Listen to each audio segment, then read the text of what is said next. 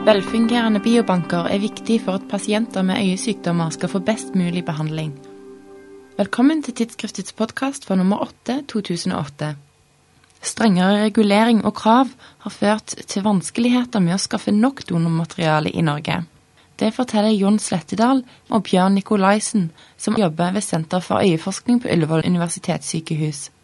Nikolaisen, har Norge velfungerende biobanker for øyesykdommer? Vi har en uh, biobank som er meget velfungerende når det gjelder de prosedyrene som vevet skal gå igjennom før pasienten får det.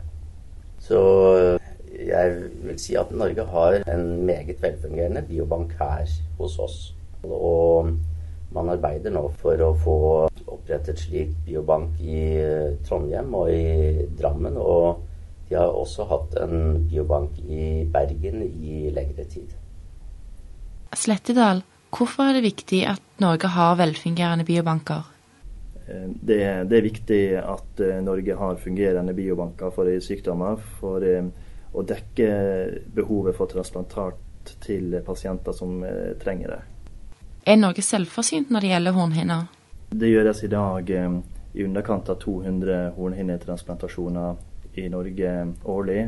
Og vi er ikke selvforsynt med, med hornhinne. og de siste åra har man i økende grad måttet kjøpe hornhinne fra utlandet. Vi har i flere år kjøpt fra Danmark, men eh, nå har heller ikke de nok hornhinne til eget bruk, så flere øyeklinikker i Norge må nå kjøpe fra USA. Hva er kostnadene med å få hornhinner fra utlandet? Man kan i dag kjøpe hornhinner fra USA til ca. 10 000-12 000 kroner per stykk. Og den må da brukes i løpet av få dager til transplantasjon. Når man regner kostnader der, så er det ikke bare kostnadene til selve hornhinnen. Det er det rent logistikkmessige og organisatoriske ved avdelingen, som jo også kan komme opp i betydelige summer når man har så kort frist på seg. Og der ligger det et ganske stort skjult beløp som ikke kommer frem. Slettedal, kan du si litt om lovgivningen rundt biobanker? Vi må forholde oss til to viktige lover som setter strenge krav til håndtering av vev, innhenting av vev, behandling og registrering av opplysninger og til sikkerhet med tanke på overføring av smitte. Og I tillegg har det kommet en forskrift basert på et EU-direktiv som også setter strenge krav til laboratoriefasiliteter. Er lovgivningen slik den er nå, for streng eller komplisert? Ja, De siste åra har det blitt gradvis vanskeligere å skaffe nok transplantat pga. store endringer i lovgivning med økte krav til dokumentasjon og økte krav til laboratoriefasiliteter. Det, det er alltid et forbedringspotensial i alt man gjør. og nå har jo vi drevet med denne virksomheten i 30 år, og i løpet av den tiden jeg har uh, vært involvert i dette, så har vi muligens hatt én infeksjon som er oppstått ved en slik transplantasjon. Så det er klart at vi har allerede hatt veldig gode rutiner for dette. EU-direktivet gir muligheter for å beholde enkelte typer rutiner dersom man kan vise til at, at disse har fungert bra.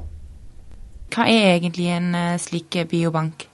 Det, det som skjer i en biobank for øyesykdommer, er at man innhenter hornhinner fra avdøde, og det må gjøres innen et døgn eller to så tas hornhinnen til laboratoriet, der den blir undersøkt nøye og, og blir så lagt på en væske, oppbevaringsvæske, slik at den kan oppvares i opptil fire uker før den blir brukt til transplantasjon.